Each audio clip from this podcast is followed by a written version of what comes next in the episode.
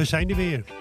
Eigenlijk eh, de tijdloze, de tweede uitzending van Danny en Peter. En eh, we hebben er vorige keer ons een klein beetje geïntroduceerd. En dat was gewoon natuurlijk een heel klein beginnetje, want dat zijn eh, de dingen die je dan eigenlijk even in het kort vertelt. Hè? Ja. Het is eigenlijk veel te kort, vind je niet? Ja, eigenlijk veel te kort. Dus dat, dus dat betekent dat we nu gewoon maar eens gaan kijken waar zijn we gebleven. En hoe kunnen we, ja, en wat we nu gedaan hebben. En er kwam een hele goede vraag ook binnen. Ja. Is deze podcast eh, qua zingeving alleen voor mensen die geloven bestemd? Een leuk thema om zo op in te gaan. Maar Ja. Volgens mij eh, hebben wij de vorige keer dan, eh, hebben we natuurlijk een kleine introductie gemaakt. Maar hebben we dat voldoende gedaan, denk je? Ik denk als je het hebt over zo'n 50 jaar geleden wel. maar tussen nu en 50 jaar geleden is natuurlijk heel veel gebeurd. Ik denk dat het misschien goed is ook voor de luisteraars van eh, wie we nu zijn, hoe- wie we nu geworden zijn, Ja. wat we met deze podcast willen, willen bereiken of niet willen bereiken. Ja, Mhm. wat is eigenlijk de opzet? Hè? Ja, Ja, Peter, wat is de opzet van dit? ja tijdloos. De Tijdloos, ja. Ja. Nee, ja, dat vind ik wel een. eh, ik vind het een mooi, een mooi thema om ook over na te denken.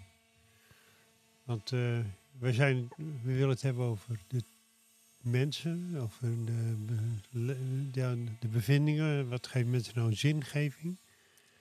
Is, is dat in geloof of is dat een wetenschap? Eh, nou, we hadden straks nog een gesprek met iemand eh, die bij jou hier ook eh, werkt. Hè, van, eh, over eh, ondernemer zijn of ondernemend. Wat is dan het verschil? Eh, Dat zijn allemaal van die vragen die je in je leven tegen kan komen. Ja, ja, ja. je denkt van, wat moet je daar nou mee? ja. Wij geven soms eh, aan dingen een, eh, een naam. Zelf soms denk, ja, maar dekt dat wel de lading? Zijn we wel wie we zijn? Hoe zien de mensen ons? Hoe zien wij de mensen? Gewoon, dat zijn van die hele belangrijke communicatievragen natuurlijk. Maar goed, ik heb nu nu te diep al in de filosofische benadering sta. Want Ja, jij- ja, en met name ook van natuurlijk van eh, wat willen we met deze opzet, hè? Veel Mhm. meer de ontmoeting met anderen. Ja. Eh, wij- jij en ik we voelen ons zeer eh, maatschappelijk ook betrokken bij alles wat er Mhm. gebeurt. Eh, dat is één. En ik denk, wat ook wel belangrijk is van de tijdlozen. Ja. Peter, 50 jaar geleden, nu ben je 50 jaar verder. Van, wat is er nou van jou terechtgekomen? Ik zou haast zeggen, niet veel. nee hoor. Ja, wat gebeurt er in 50 jaar dan? Ja. Weet je, je leven die gaat verder. eh, carrière in de zorg gemaakt. Hè? Ik heb altijd vroeg gezegd, als ik 27 ben, 28 wil ik eigenlijk eh, hoofd in een eh, verstandig handicapinstelling zijn. Dat Oh, was ja. mijn doel. Ja. Of dat is eigenlijk mijn einddoel. Ik was 27 en werd er toen al. Ja. Ik heb natuurlijk in de psychiatrie natuurlijk gewerkt. Vijf jaar in het verpleeghuis. En mooie tijd ook. Heel veel geleerd. Volgens mij heb jij ook nog in het verpleeghuis gewerkt. hè? Ja, zeker. Ja. Dat was toen in eh, de buurt van Loen aan de Vecht, waar ik vandaan kom. Hogewij. Hogewij. Daar zijn, we- zijn we zelf nog een keer op bezoek geweest. Hè? En als je daar nu komt, dus ziet het het niet meer als een verpleeghuis. Het is Nee. gewoon een, een, een, een, een dorp op zich. Het Ja. is een huizen allemaal en een, Ja. een café en noem maar op. Alles is daar. Grappig, hè? Ja, Dat- Maar er is een hele hoop veranderd ook in die zorg. En dat, ik denk dat we daar best nog eens een keer goed op, wat dieper op in kunnen gaan. Als we Ja. een gast hebben uit die sector. Ja. Want ik, er zijn best nog aantal dingen die daar ook, eh, ook wel belangrijk zijn. Maar ja, weet je, dat was natuurlijk, dat was inderdaad 50 jaar geleden. En ook eh, ondertussen, eh, toen ben ik op een gegeven moment bij Cirilo aan het werk gegaan. Daar ben ik gebleven tot het eind. Tot het eind, tot dan pensioen, laat ik het zo. Ja, dan, dan verloopt je werkzame leven op een bepaalde manier. Eh, voordat we inhoudelijk naar, mij gaan, hoe, ging dat bij jou dan? ja je moet, ik zal wat, wat sprongen maken hè, van eh, ja, 50 jaar geleden. En dan heb je op een gegeven moment al... Ik ben vroeg eh, jong getrouwd met Vera. Nog steeds is het mijn, mijn, mijn allerliefste vrouw die ik heb. En ehm, ik was al vroeg, vroeg vader. En net 19 jaar. En dan kreeg ik een prachtige dochter. En eh, die is nou ook als eh, ondernemer, ook sociaal ondernemer. eh, ondernemen doet ze in, in Egypte. Ze zegt ook, ja, ik lijk op mijn vader. Oh, wat mooi. Maar de eerste tien jaar, dus als je kijkt van, van 20 tot en met eh 30 jaar, ja, was ik eigenlijk eh, niet echt bezig met, met, met, met, met ehm, wie ben ik nu eigenlijk en waar kom ik vandaan. Ik, kreeg al heel snel kinderen ook. We waren volop eh, ehm, ehm, bezig, actief in die Pinksterbeweging, Pinkstergemeente Mhm. ook. We gingen daar helemaal, helemaal in op. En ehm, je had eigenlijk weinig tijd om te werken aan je eh, verleden, hè, wat je dwars zit. Nou, nee, dat, dat dacht je niet aan. En eh, dus die, die, die 20 tot, eh, van, van- vanaf mijn 20 tot mijn 30ste, dat is eigenlijk in een soort sneltreinvaart Mhm. voorbij gegaan. We maakten daar ook keuzes. Achteraf gezien denk ik, ja, was dat wel een goede keuze? We begonnen in de begin jaren 80 begonnen we een, een christelijke leefgemeenschap met nog een ander echtpaar. Hartstikke schatten van mensen, maar, een, maar van een totaal andere, een totaal andere insteek Mhm. ook. Zij waren toch wat behoudender dan Vera en ik. We kwamen eigenlijk eh, we, kwamen niet uit een strak gereguleerde en ehm, eh, gereguleerde kerkgemeenschap. En, en, maar we waren wel als bij twee gezinnen erg bevlogen, begaan met wat is er nou in die maatschappij aan de hand gebeurde ontzettend veel.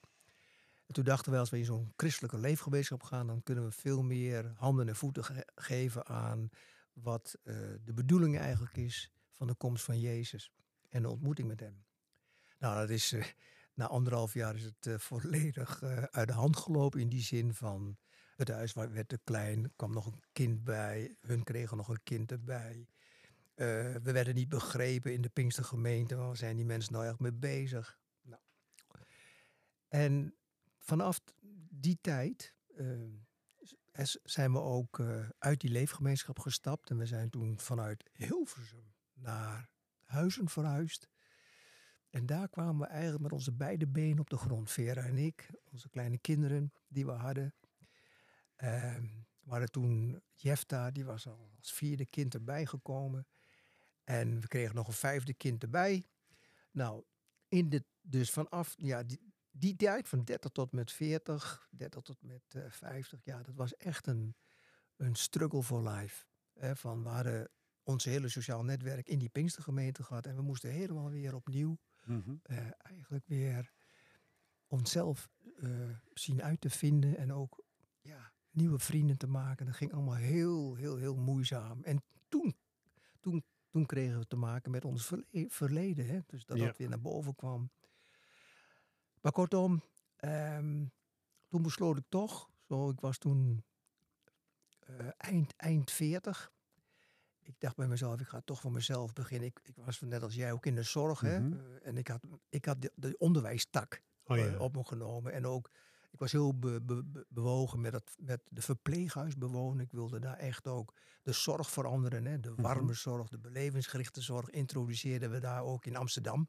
Mhm. En, en ehm, nou, dat was eh, echt, ik werkte daarin, ook als interim. En eh, vervolgens de overst- overstap gemaakt naar personele organisatie. Mhm. En toen dacht ik, ik ga lekker voor mezelf beginnen. En ja, toen ik zo'n jaar of 50 was, Toen heb je die overstap gemaakt. de overstap gemaakt. Gaan we het later nog even over hebben. Oké, Peter. Want dat is natuurlijk een, een nieuwe periode in jouw leven. Hè? Want je had het inderdaad over die, die jaren tussen de 30 en de 50 van jouzelf. Heel herkenbaar trouwens, hè? Kinderen opvoeden. Gaat heel veel tijd in zitten. Ik herinner me bij mezelf wel dat de jaren 80, half 90, dat die volledig aan mij voorbij zijn gegaan. Je was alleen maar het opvoeden. Ja, Ja, opvoeden, werken, opvoeden. Druk. In, in, ik was natuurlijk jong, ook eh, leidinggevende. Dus, en een jong gezin. Dus het was gewoon eh, hard, hard opvoeden en hard werken, zeg maar. Ja. is ook niet erg hoor, maar dan heel veel dingen die buiten de deur zijn. eh, gaan, gaan denken, oh, die heb ik helemaal gemist. Dat komt, eh, komt later wel. Want ja, goed, eh Christine ging toen ook weer aan het werk in de zorg s'avonds. En ik was dan s'avonds gewoon thuis, hè. Dus ik eh, bracht wel de kinderen in de bed en deed afwas en gewoon, daar hadden we wel een vaste afspraak over. En eh, toen mijn jongste, die is nu 37, Erik 12 werd, had ik zoiets van, nu pak ik mijn eigen dingen weer op. Eh, ook weer buiten de deur, hè, want eh, het is, je zou zeggen, de- thuis en de kerk waren twee hele belangrijke dingen. Ja. En eh, ja, het zijn wel momenten geweest dat ik denk, oh ja, de- er is meer dan alleen maar eh, ehm, gezin en kerk Ja, en werk. Hè? Dus er is natuurlijk een wereld daarbuiten.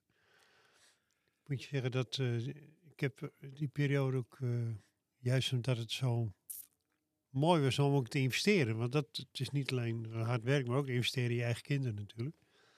En wat ze er volgens mij eh, doen, ja, daar hebben jij en ik toch niet in de hand. dan, Nee. want ze zijn dan zelf volwassen.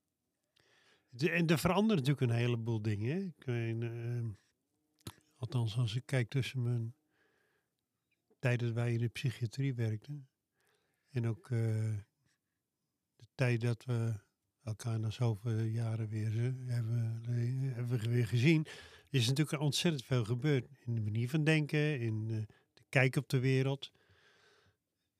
Weet je, we zijn allemaal toch wel op een bepaalde manier maatschappelijk betrokken ge- gebleven. Ook bezig zijn met identiteit, met geloof, met zingeving, hè, want dat Ja. uiteindelijk gaat er daarop. En ik moet je wel zeggen, hoe ouder ik word, des eh, breder is voor mij het begrip zingeving. Vroeger dacht ik ook, hè, ik kwam tot eh, geloof in Jezus. Nou, de- iedereen moet het weten. Mm. Tuurlijk. Maar dat wil niet zeggen dat iedereen dat ook gaat doen. Weet je, maar dat was in die tijd. Dan moest je nogal veel dingen. Hè, dat zou je herkennen. Je moest over dit, je moest dat. Dus eigenlijk gleed je dus gewoon weer van, even raar gezegd, van een ouder opvoedkundig systeem van mijn eigen ouders in een nieuw systeem. Alleen dat was dan een geestelijk eh, CQ eh, eh, ehm, systeem van, oh ja, dit mag, dit mag niet. Raakt niet, smaakt niet, kraakt niet. Hè?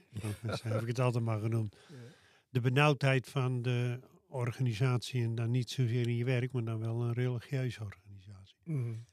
Want die patronen kom je in je werk en kerk en trouwens in elke club heb je natuurlijk regels nodig en organisatie en, en cultuur. Hè?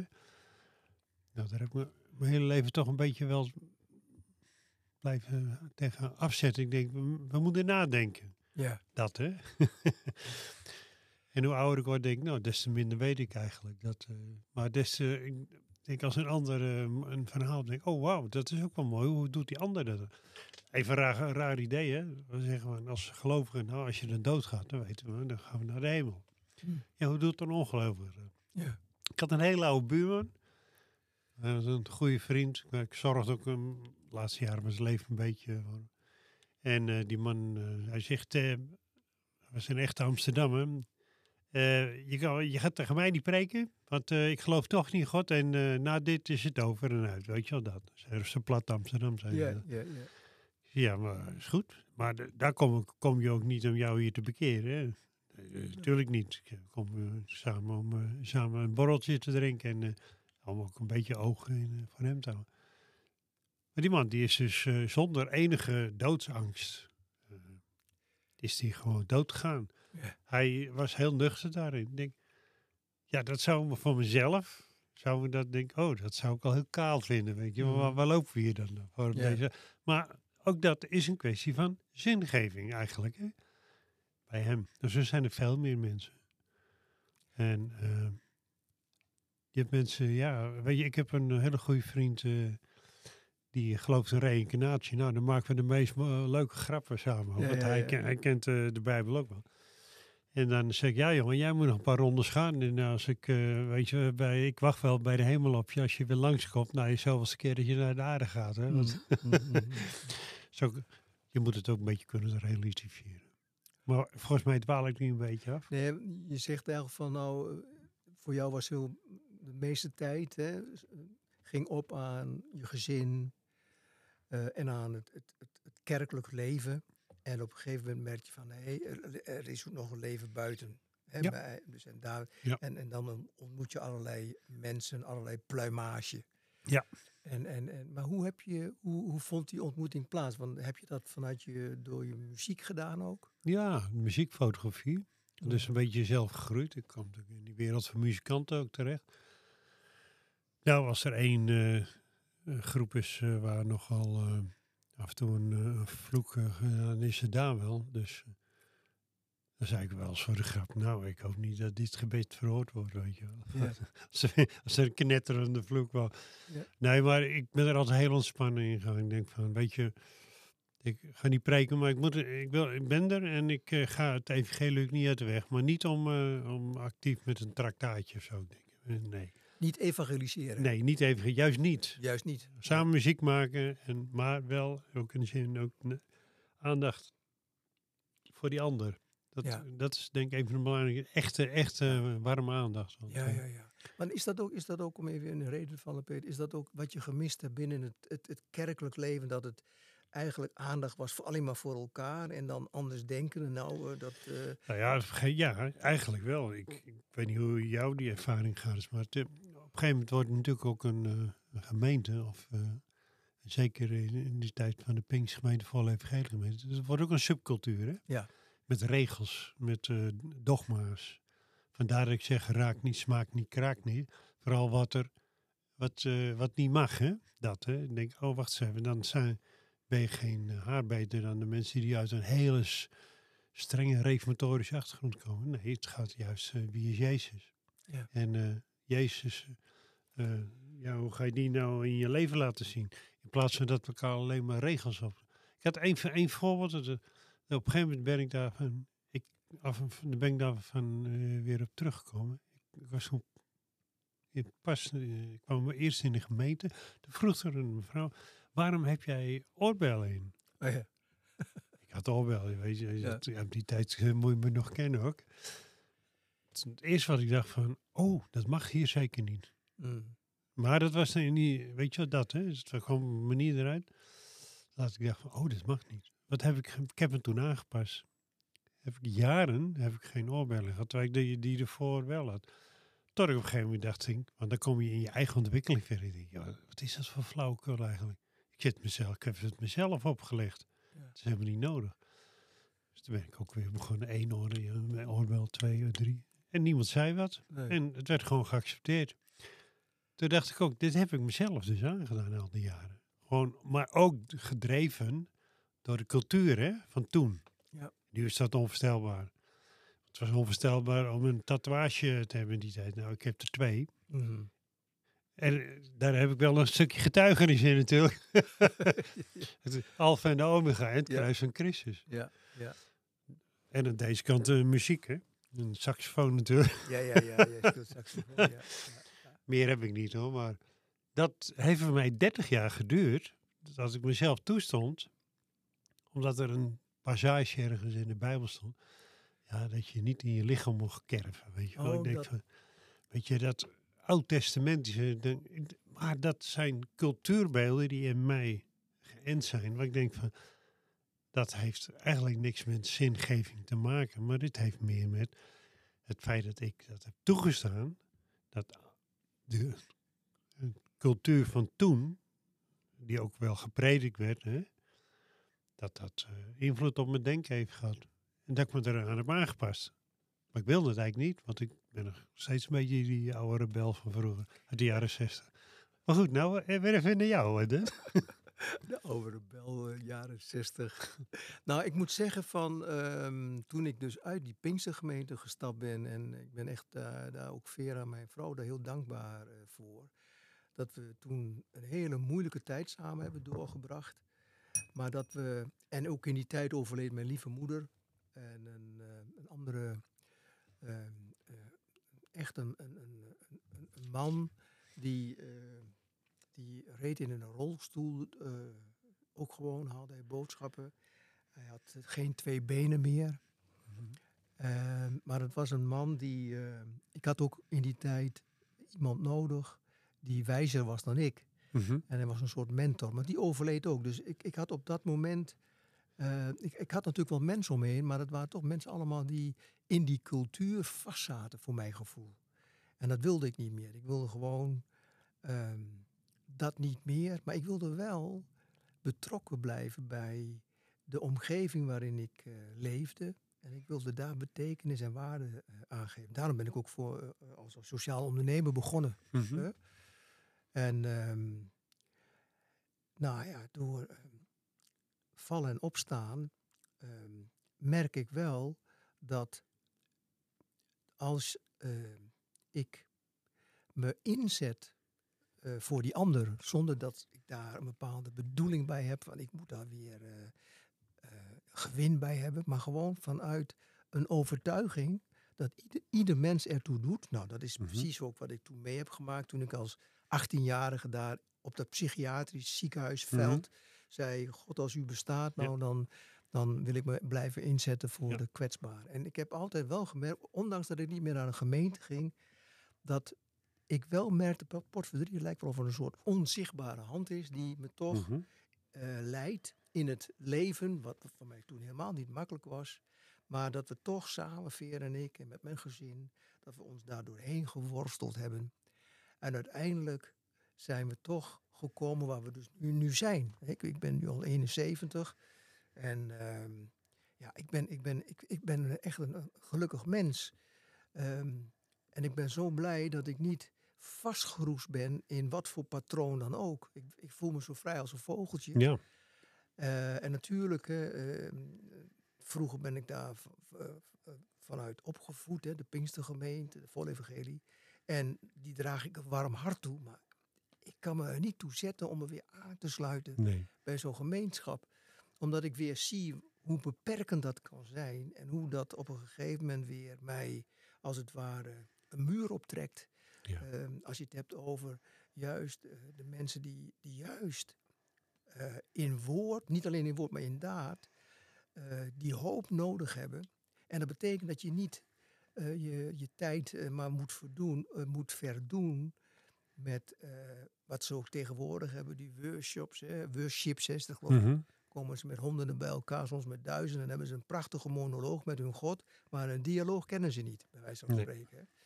Dus ik, ik wilde dat niet. En ik merk gewoon dat, eh, dat ik, eh, daar, ja, ik, ik voel me daar heel, heel, ja, heel senang bij. Heel goed. Heel Ja. goed. Ik stel voor dat we zo weer naar, toch even terug naar die andere periode waarin jij eh, eigenlijk eh, je ondernemerschap eh, bent begonnen. Ja.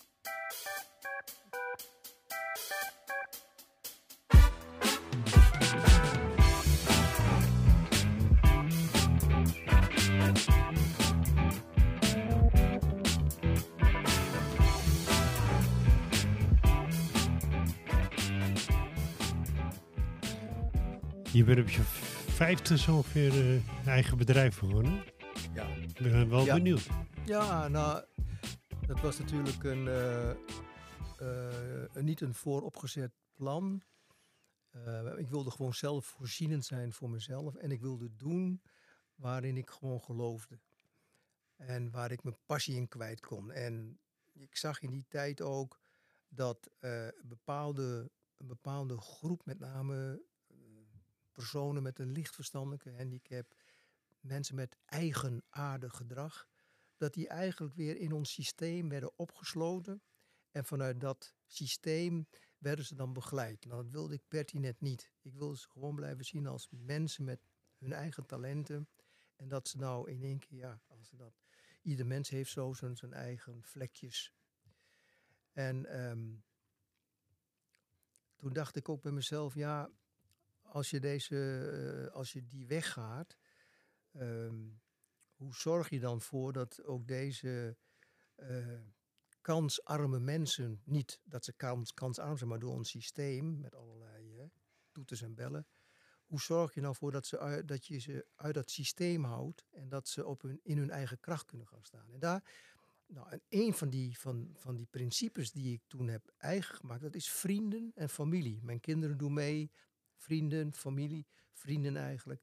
En toen merkte ik van ja, je hebt een bepaalde draagkracht nodig en teamwork om eh, deze jongeren die overal worden afgewezen, dat je ze een bestaansrecht geeft, maar dat je ook laat zien dat het anders kan. Mhm. Nou, dat is allemaal heel stap voor stap voor stap hè, is dat gegaan. En eh, nog steeds eh, zie ik dat eh, het niet ligt aan, aan, aan deze doelgroep. Die, die willen echt wel. Maar die worden vaak tegengehouden door allerlei regels, door allerlei eh, eh, systemen en ook. Ja, dat is allemaal niet zo. eh. En dan heb je de jeugdwerkers, die zijn ook opgeleid vanuit een bepaalde concepten en modellen. Terwijl bij Doeners Dreef is het juist belangrijk om al die concepten maar eens los te laten. En dus te kijken, wie heb je nou voor je en wat kun je nou samen doen met elkaar. Hè? Nou ja, kort gezegd. eh, en dat juist, dat samen doen met elkaar, ehm, dat je elkaar niet, eh, hoe noem je dat, benadert van een hiërarchie. Ik heb toevallig een SPH, Sociaal-Pedagogische Hogere Opleiding gevolgd. Jij bent eh, mijn cliënt. Nee, om dat dus los te laten, om elkaar echt gelijkwaardig te ontmoeten. Als dat lukt, ik, wij noemen dat bij ons van ego naar eco. Ja. Het gaat niet om ik, het gaat om wij. Mhm. En dan zie je mooie dingen gebeuren. Ja, daarom. Dat is mooi, want je bent dus eigenlijk, zeg maar, je zorgbedrijf met een duidelijke visie begonnen. Ja. Z- een zorg, werk, eh, woning, hè? dus een, Ja. een compleet pakket eigenlijk. Ja. Dat is natuurlijk wel heel mooi. Tenminste, dat is ook eh, wat ik gezien heb, want ik ben natuurlijk recentelijk bij jou nog geweest kijken op een van de woningen waar we die andere podcast hebben opgenomen. Die overigens ook eh, on- onder Danny en Peter te vinden is. hè? Vanaf Wo- vandaag. Ja, de woon-werkboerderij Hulshorst. Ja, ja, ja. Klein Rijnvis. Klein rijnvis, ja. Ja, dan zie je dan toch ook, eh, dat, ook het mensbeeld, dat het heel belangrijk is eh, vanuit wat voor visie je met elkaar omgaat. En ook hulp verleent. Hulp verleent. Ja, want dat is ook weer, iedereen heeft op tijd hulp nodig. Ja. En of je nou lichtverstandelijk beperkt bent of zwaar, of je hebt wat psychiatrische aandoening of niet. Of je bent de meest gelukkige of de meest ongelukkige. Eh, Als mens heb je elkaar nodig. Ja.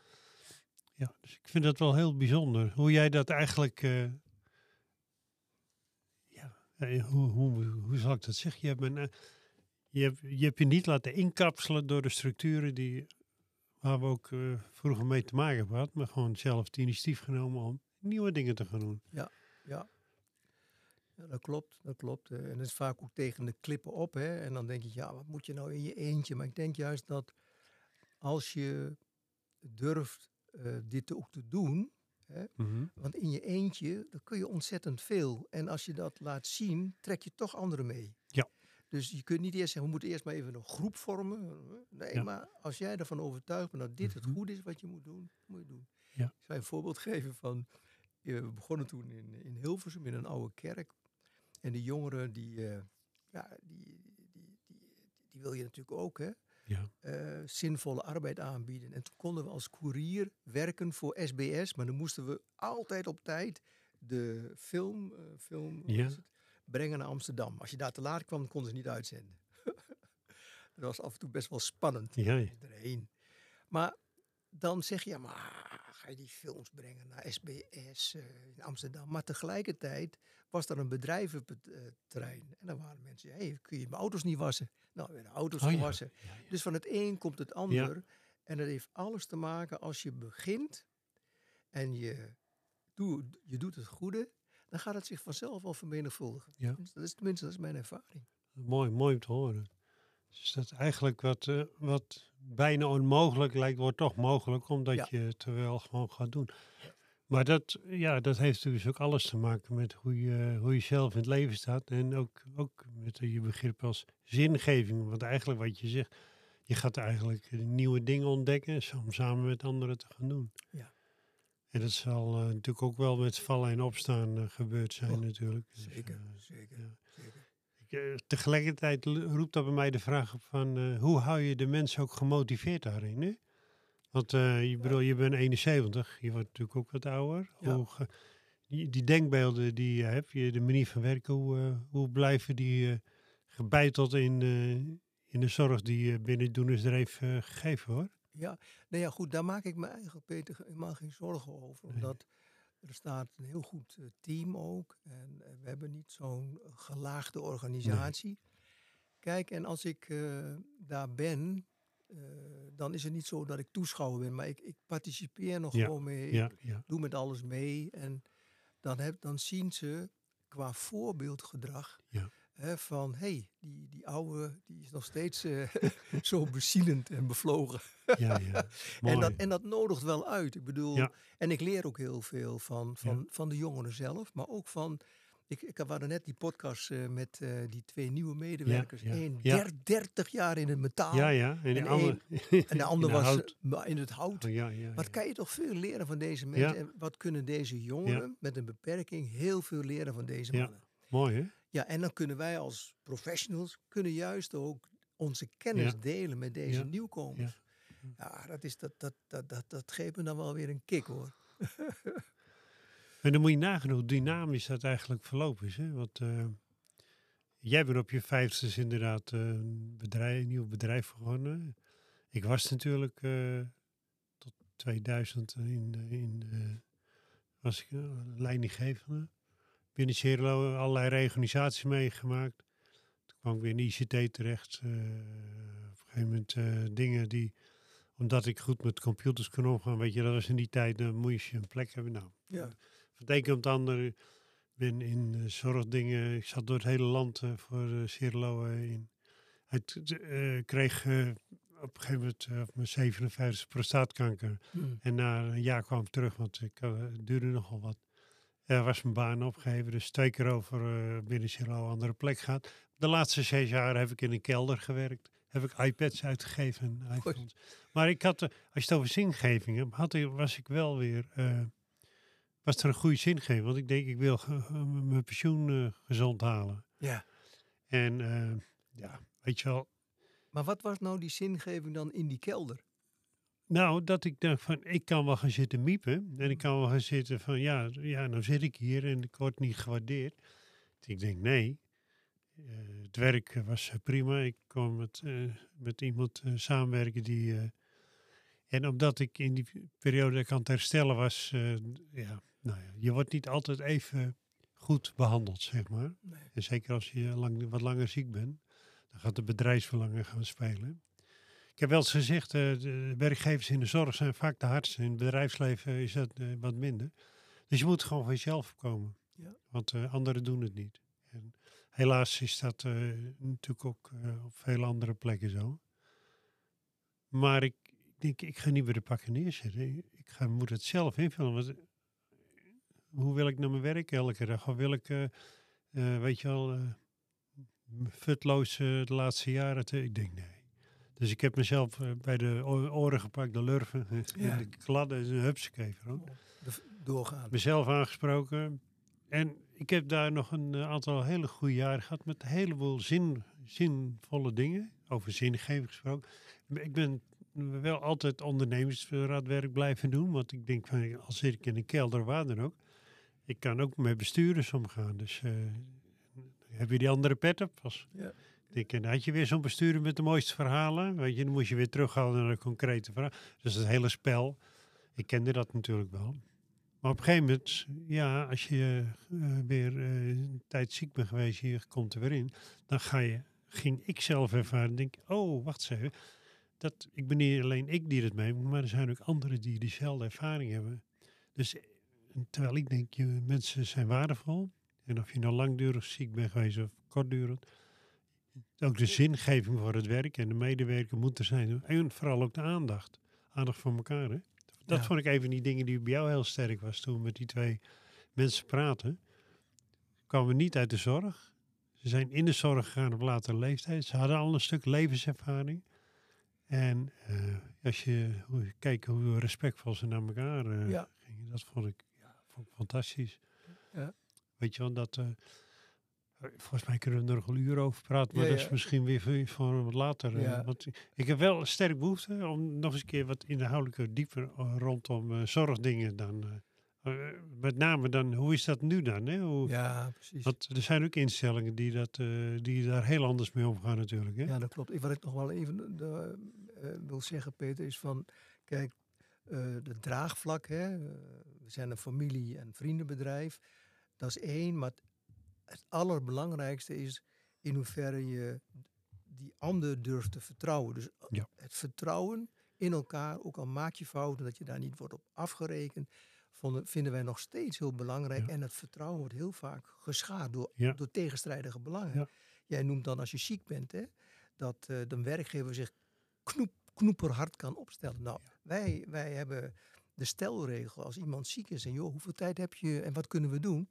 En eh, neem je tijd. Eh, iemand heeft privéproblemen, eh, neem een paar weken de tijd. En als je het opgelost hebt, kom je weer terug. Dus we gaan, maar dan moet je weer alle, de, de UWV die vraagt Ja. weer dit en die vraagt weer dat. Allerlei bureaucratische Ja. dingen. Dat is vaak heel belemmerend. Ja. Waardoor een medewerker weer in de knel komt. Maar we hadden dat, eh, ik weet nog van de tijd dat, dat het, die bureaucratie nog niet zoveel was. Dat we zelf zeiden, we hadden zelfs geen vakantiedagen. We hadden wel een CAO, de beste, maatschap- ja. maatschappelijke dienstverlening.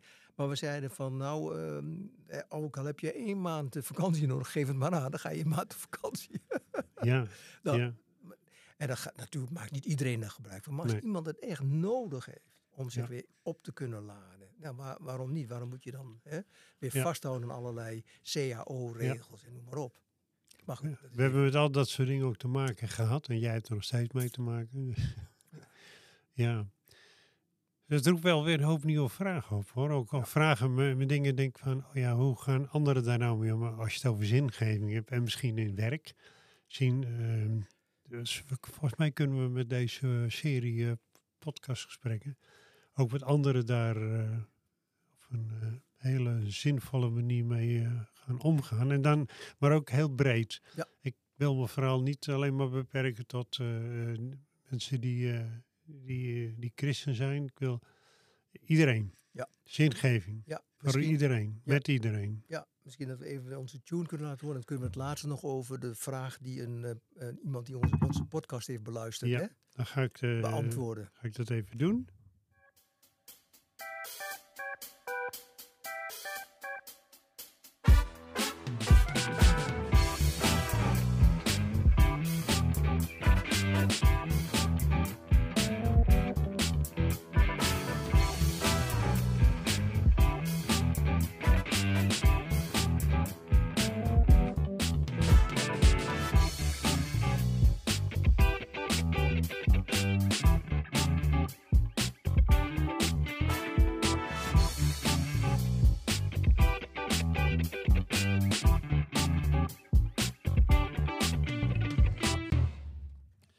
Ja, moet, moet je nagaan, onder die tune liep heel snel weg om karnemelk eh voor ons te halen. Het, we zitten in een jurt hier eh, alles op te nemen. En het is, mm, het is lekkere temperatuur, maar een glaasje karnemelk is ook wel lekker.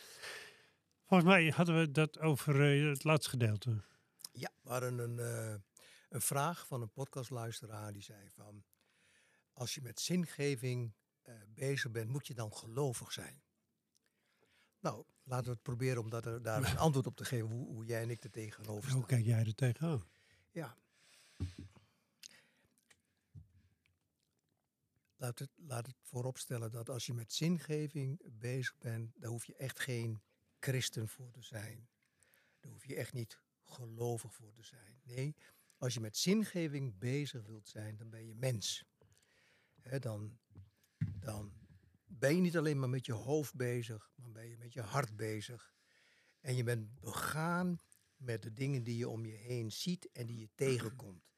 En dan zijn het jouw zintuigen die op een gegeven moment bepalen waar jij je nadruk op wil leggen en waardoor jij waarde kunt toevoegen hè, aan je bestaan.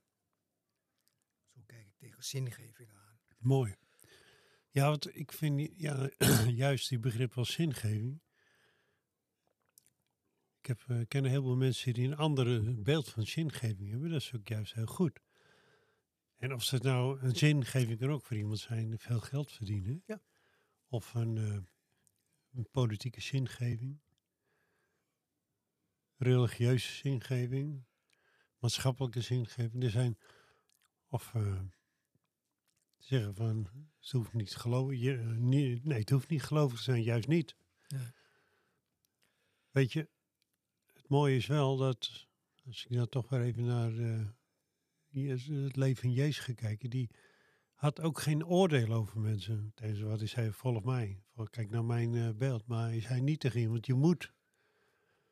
Nee, weet je, dus wij hebben van zingeving een heilig moeten gemaakt.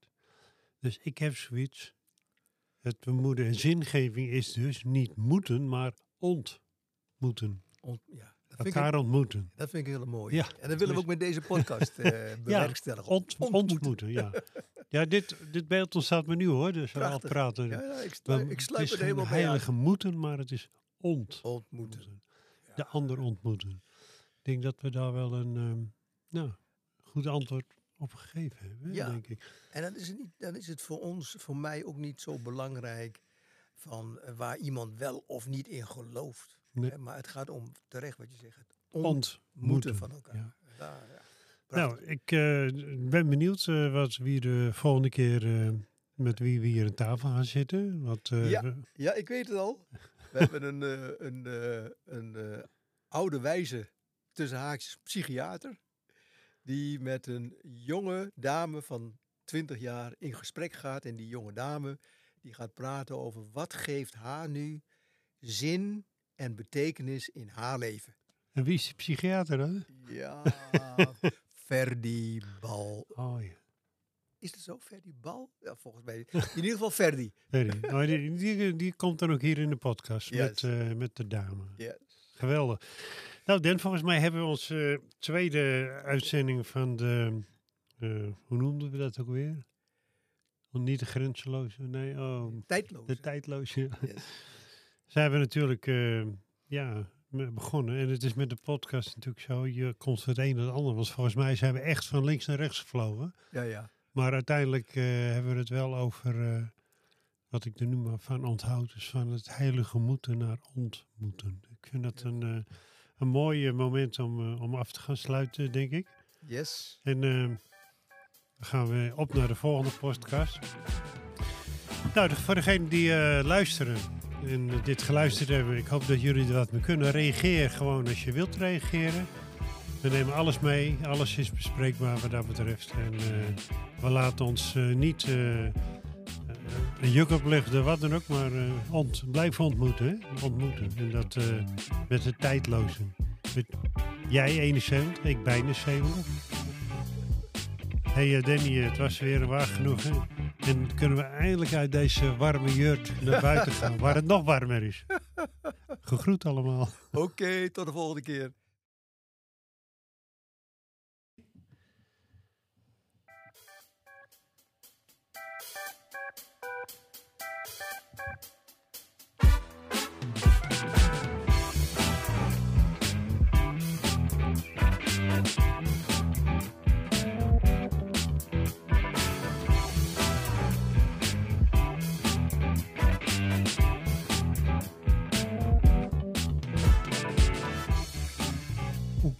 Goedemiddag. We zijn hier op ge- aangeland 30 augustus. En in het kader van de film In de schaduw van Maria Magdalena worden de twee Maria's uit Oekraïne geïnterviewd. Welkom Maria. Maria, Welkom. Hallo. kan je jezelf even voorstellen? Ja. Eh, dus ik ga eerst, ja. Ik ben Maria. Ehm, ik ben 21 jaar oud. Eh, ik kom uit Oekraïne eh, en eh, ik woon in Nederland eh, een en een half jaar. En verder Maria. Dat is goed. Met, Ja. nou, ik, heb je, eh, hoe, met wie woon je in Nederland? Eh, ik, ik heb hier ge- gekomen met mijn moeder en mijn zusje. En wij leven, wij wonen samen. Eh, mijn vader en broer eh, wonen nog steeds in Kiev. Oké. Ja, en eh, mijn vader is precies in. eh, ehm, hij helpt met oorlog ook. Oh, Oké. Dus ja, En, jullie, en jij bent samen met je moeder en zus Ja. naar Nederland gegaan. Gevlucht eigenlijk, hè? Mhm, ja. Oké. En Maria, vertel. Эм, да, меня зовут Мария Белошицкая. Я приехала из э, Украины, из города Киева. Э, Eh, hallo, ik ben Maria Belashitskaya. Uh, ik uh, kom uit uh, Oekraïne, stad Kiev. Мне 30 лет, я замужем, имею маленького сына. Ik ben 30 jaar en ik ben getrouwd en heb ik jonge zoon. Uh, уже полтора года я нахожусь и живу здесь, в Нидерландах, вместе с сыном. Nu bijna 1,5 jaar. Ik, uh, ik woon in Nederland uh, samen met mijn familie. Также к нам приехала uh, моя сестра uh, со своими детьми и мама. Ook uh, mijn zusje en moeder hebben gekomen naar ons. И в скором времени приехал мой муж. En uh, ook mijn man okay. heeft gekomen. Ja. Oké. Okay. Nou, dat, dat is best een hele verhuizing. Ja. En uh, ik ga even door met Maria. Ja. Hè? En nu kom je, of je bent bijna anderhalf jaar in Nederland. En hoe gaat het nou met je? Ты уже практически э, полтора года в Нидерландах, и как ты можешь э, сказать, как твоя жизнь здесь проходит? Я скажу, что я приехала, конечно, было страшно с маленьким ребенком приезжать совсем одной, непонятно, неизвестную страну, не зная людей, но я приехала и была удивлена и рада тому, что здесь очень отзывчивые, добрые э, люди, теплое гостеприимство, и э, эта страна, она очень помогает Украине. Uh, ik ga proberen in Nederlands, oké. Okay? Um, eerste, ik, zij was echt bang uh, om uh, ander land te komen. En um, dat, dat, dat was moeilijk. Maar natuurlijk mensen hier helpen. En zij, ze zien, zij ziet dat mensen hier zijn aardig en zijn open. dus dit helpt. En nu, zij is echt tevreden. Oké. Okay. Oké, okay. en jij Maria? Uh, ja, eigenlijk nu. Ik denk dat ik echt hou van Nederland ja. en Nederlanders. Eigenlijk, um, ik zie. I can can I explain a little bit in English? Ja, natuurlijk. I really started to love this land and um, to learn mentality from people from Netherlands from Dutch people mm-hmm. uh, and uh, I really think that this is something that uh, we need to learn like Ukrainians uh, we can learn from you really a lot of this open and this you know um, not not not proud not proud okay. like uh, I don't know how to explain right ja, ja. Je, hebt, je, je hebt echt het gevoel dat er sprake is van wat wij noemen gelijkwaardig. Gelijkwaardigheid. Ja. Hè? ja. Uh, hoe, ja, hoe, hoe, zou je dat in, in, het Engels kunnen vertalen, Peter? We are equal. Equal, ja. hè? Ja. And not, some are not more equal. We No. are all Ja. equal. Ja. That's Ja. what you mean. Mhm, think. ja. Oké, oké. Nou, zeg je, Maria, je bent 21. Um, je hebt natuurlijk in uh, Kiev gestudeerd. Ja. Wat voor studie heb je daar gevolgd? Mhm. Uh, I studied in university.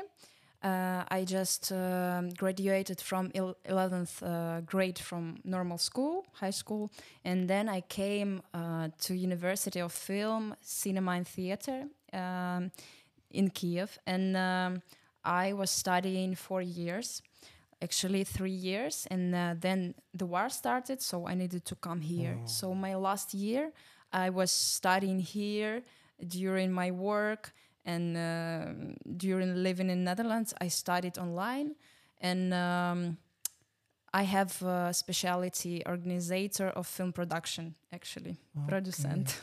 Oké, oké.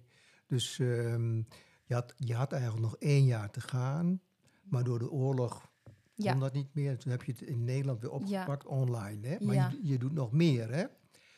Eh, naast het online, ehm, wat doe je nog meer? eh, ehm, wat voor activiteiten doe je nog meer? What Mhm. kind of activity you have here in, in Holland? Mhm. Um, except work. Yeah. Yes. Oh, actually, uh, here we have church, and uh, at church, you know, uh, we have a lot of uh, activities, and I, I spend a lot of time there with people.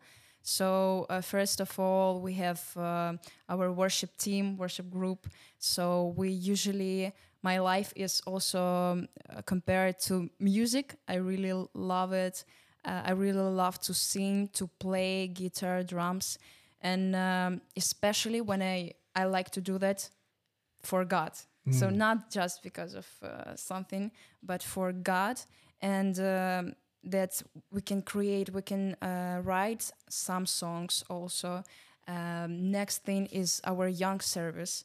Uh, we also starting to um, make create good young service for Ukrainians, and um, we also um, uh, think how to learn uh, a little bit more Bible to young people.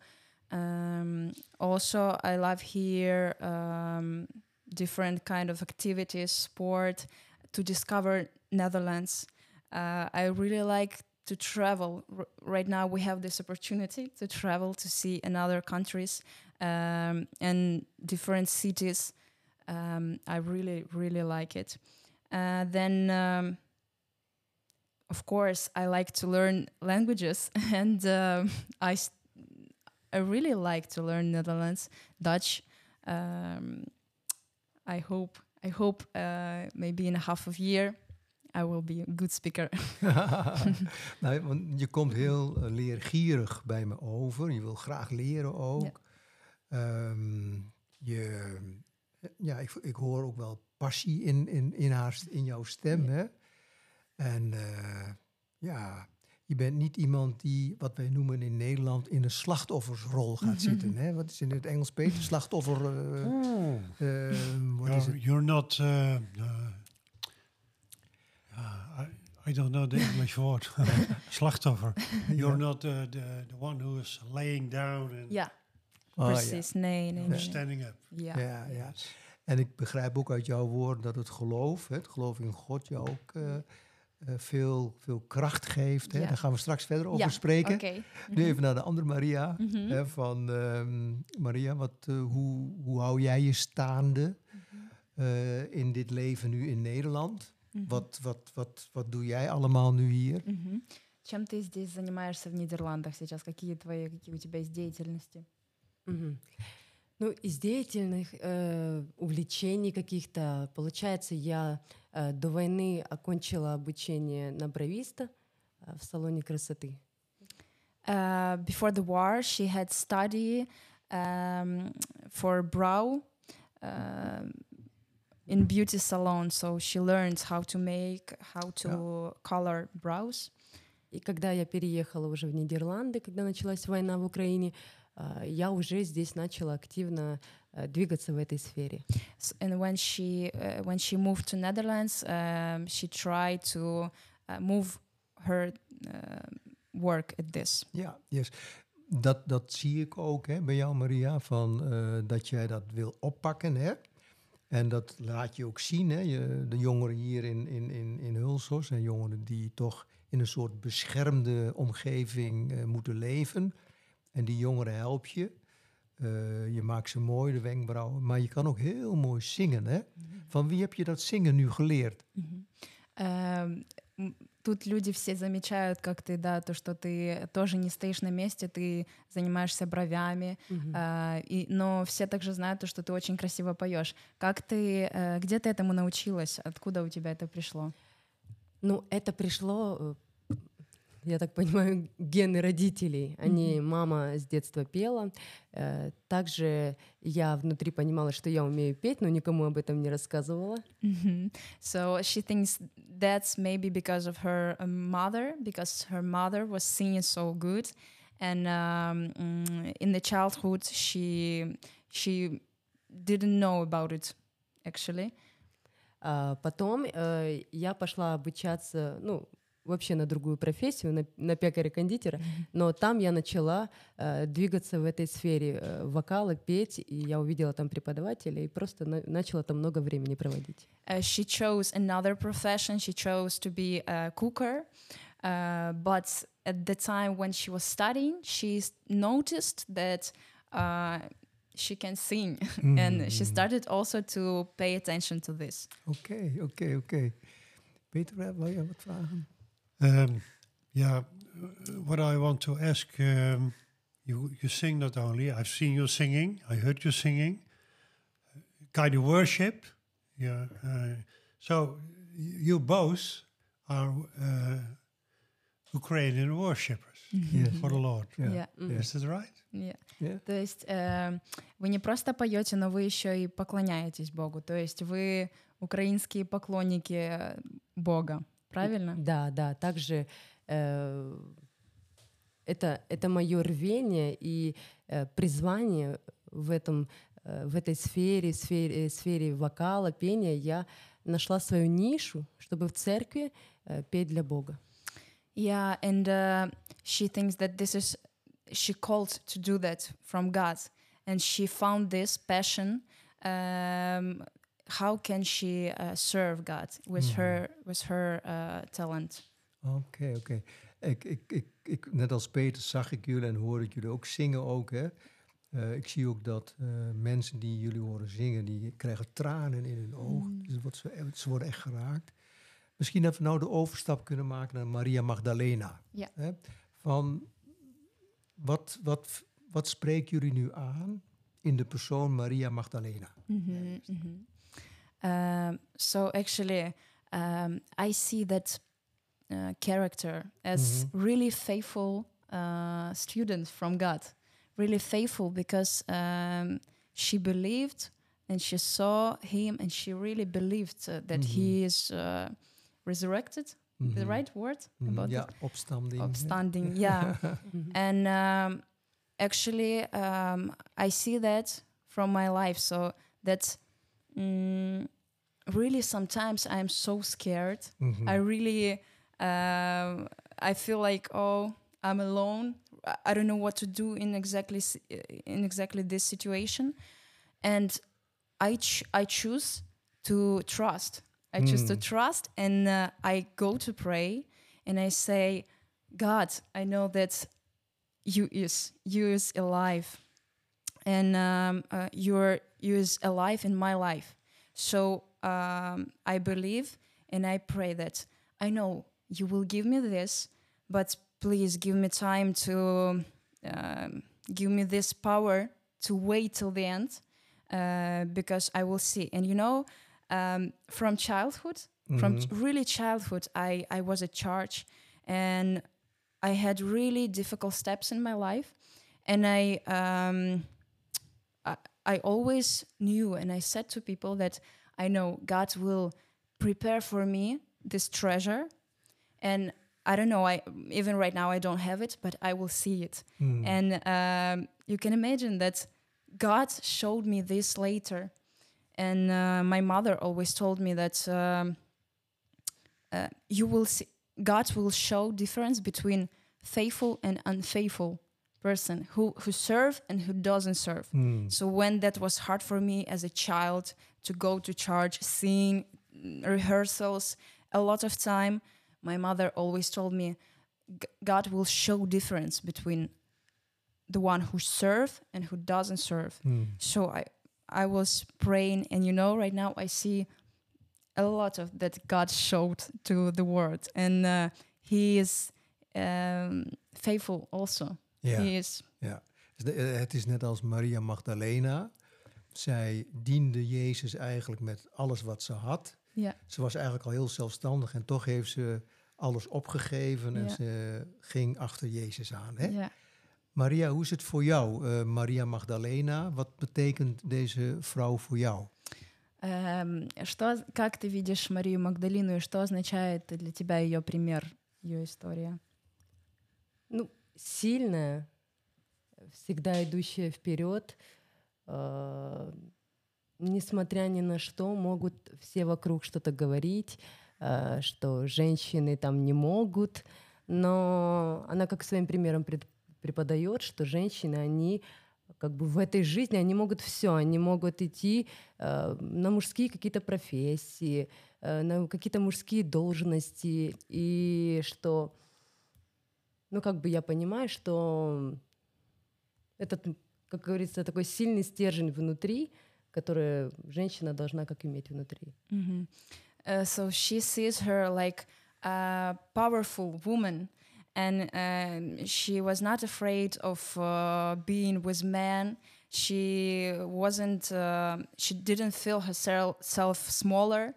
Um, she understood that she can be also a disciple of, of, of Jesus, and um, that shows her that um, like man and woman can be they can be equal equal Mhm. um, they matter same um, so right now uh, she she thinks that uh, like men they can do it but we don't have that this line that women can't do that Hmm.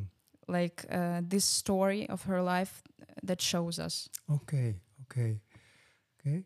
Peter, wil jij nog even hierop doorgaan? Ehm, Maria, Maria Magdalene die diende, hè? Ze, eh, ze diende Jezus. Hoe, hoe zie je dat in je dagelijks leven? Ehm, ze is een voorbeeld, hè? Dat dienende karakter, hoe, hoe werkt dat bij jou? Uh, dienen dit is uh, Dienen. Serve to serve. She, Serve- se- serve she, she served the Lord. hè? Mhm, She mhm. always was there. She was listening Ja. to him. mhm. What do you see in your life? from Mhm. that? hmm Um, actually, you know that um, I think the my my biggest what what I can do for God, um, that's His commandment to go and to uh, speak more and uh, make more people known about Him. So I think that's my the main my um, my way. I I know how great He is.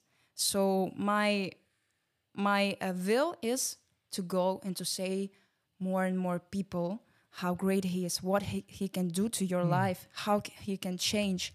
So I think my singing, my playing, my worshiping, uh, my serving in different uh, services, in young service for young people, the main purpose, the main purpose is to make Jesus known for young people, for another age people, everybody. So, and I can serve not only in my words, not only in my uh, talents, but my in my life. So I can show Him in my character, in my love to people, um, and even uh, that we can read in Bible that people will know that you are mine because you will love, you will have love with each other.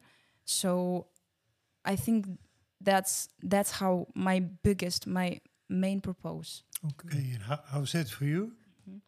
Эм, он спрашивает то, что э, Мария Магдалина, она служила Богу, и эм, как ты как ты видишь этот пример, как ты какое твое служение главное для него, для Бога? Мое служение, главное, ну, в первую очередь, когда я пою, это для меня, я э, Богу проявляю свою благодарность за все, что Он мне дает в жизни, за мою жизнь, э, за все возможности. Э, через пение я Ему как э, воздаю эту благодарность. Uh, so um, she she says that uh, through her talent of singing, she can um, make uh, she can bring all thankfulness to God. Да, а также, когда, когда мы поем, мы на сцене, мы вводим людей в поклонение, э, люди, они в эфире или в зале сидят, кто-то с какими-то там могут быть проблемами, какими-то ситуациями в жизни, они молятся.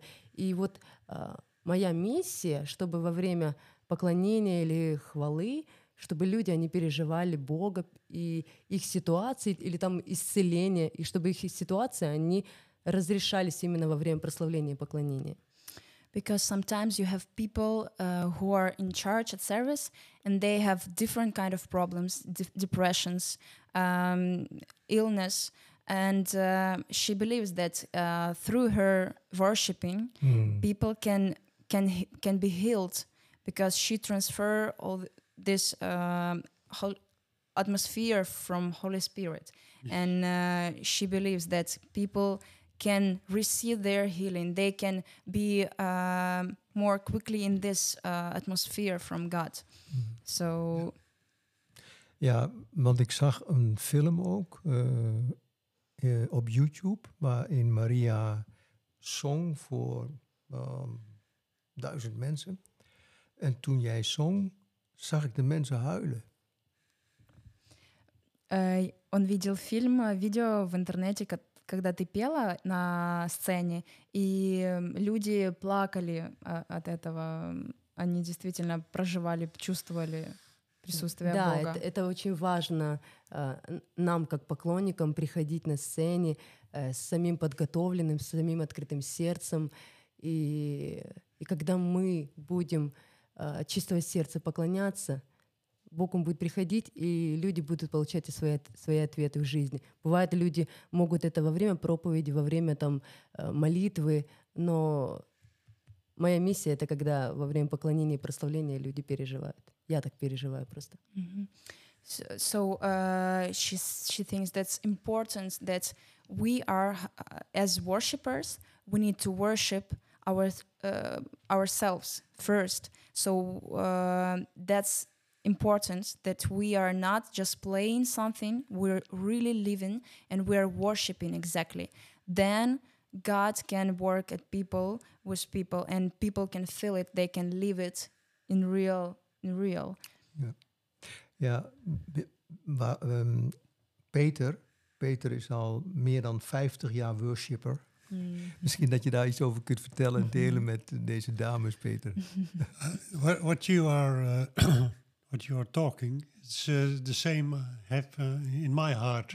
I think what uh, maria is saying when you are worshiping the lord the holy spirit will go and come in the hearts of other people to heal and to um, i think it's uh, uh, in the bible you see when the holy spirit was falling on the crowd when it was on the pentecostal or later everybody who um, has an uh, see Jesus will change, Yeah. and the Holy Spirit in us who will grow, and we are changing constantly.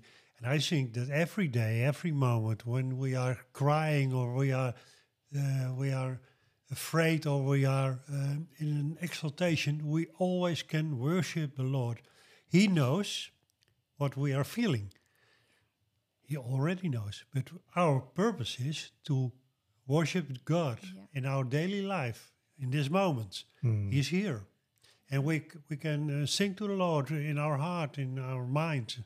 What, Yeah. So that's, I believe, that's one of the uh, one of the most important things is the forgiveness of Christ. He died for us on the cross. He sent His Holy Spirit, and what He's doing in us, we worshiping the Father and the Son the Holy Ghost. Hmm, nou, mooi gezegd, Peter. Amen. Ik denk, we moeten eigenlijk naar, naar een afronding. En mm, wat willen jullie nou bijvoorbeeld ook de mensen die gevlucht zijn uit Oekraïne? hè? Hoe, hoe willen jullie eh, deze, wat voor boodschap hebben jullie voor deze mensen, voor jullie mensen uit Oekraïne? Boodschap. Uh, what is your message for the people who, who fly to Mhm, mhm. their own country? Mhm. Wat is jullie, what's your message? Mhm. Um, actually, I meet a lot of um, Ukrainians because um, I work for them. Actually, I work as a translator at a municipality of our town, Almelo, and I work at also at Noodopvang for Ukrainers. So I have contact with them every day, every day, and even uh, by my phone, by my contacts, uh, in writing messengers, always. Um, and um, always when I'm saying, uh, I I see a lot a lot of problems. I see a lot of um, depressions, really uh, mental mental illnesses, a lot of really, and um, all that I, all that I know when people come to me and they share this story to me, I understand the one. They they want to find um, um, salvation in something, in uh, another person, in alcohol, in money, in work. They are trying to find this um, how to rescue from their story, from our from inside, and um, you know I always say that there is no way, no way, nothing will uh, help you. You can stick something to your heart, but in um, some time that will come again, again and again. Nothing will help you for whole life. Only one way. There is Mhm. Jesus. Mhm. And I always told, talk about this even in my uh, work. Oké. I understand um, their situation, and I said, I really want to help you. I really feel everything. I really feel that. I also came through that, so I know Hmm. only Jesus will help. Hmm. Ik zie dat het je raakt. Hè? I Ja, see, I see, ja. your, I see your, your tears in your eyes. Oké. Maria, en hoe is het voor jou? Э, Что бы ты хотела сказать украинцам, которые приехали в, на- в Нидерланды? Которые Чтобы, здесь да, находятся. как, что бы ты хотела, как какое-то слово для них? Как ты бы хотела словом этим помочь? Ну, чтобы люди понимали, что Бог, Он стоит над всем, Он все курирует, Он следит за всем. И люди, которые приехали сюда, чтобы они, я не знаю, даже на какой-то момент они а, начали доверять Богу, опустили эту ситуацию, даже вот это с войной, и мы понимаем, что мы можем только молиться э, и верить в чудо, что Бог э, сделает это, и в Украине будет мир и добро. И люди, которые сюда приехали, а, они, конечно же, э, могут не чувствовать э, на сто процентов э, то, что происходит сейчас в Украине, они где-то расслаблены, но верить, молиться за Украину, за мир. Um, she would like to say to all these uh, Ukrainians that um, God is above everything. He Mm. is above Ukraine. He is above the country we live right now. So um, He controls and He knows what times, what are times needed for that situation.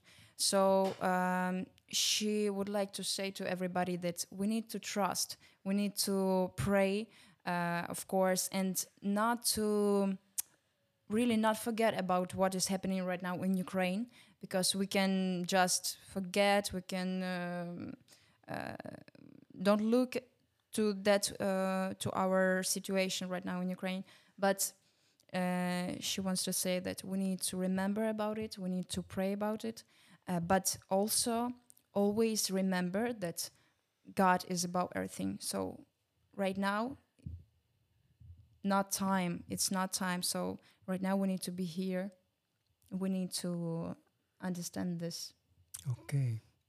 Weet, wil jij nog wat afrondend zeggen? Uh, deep respect for jullie.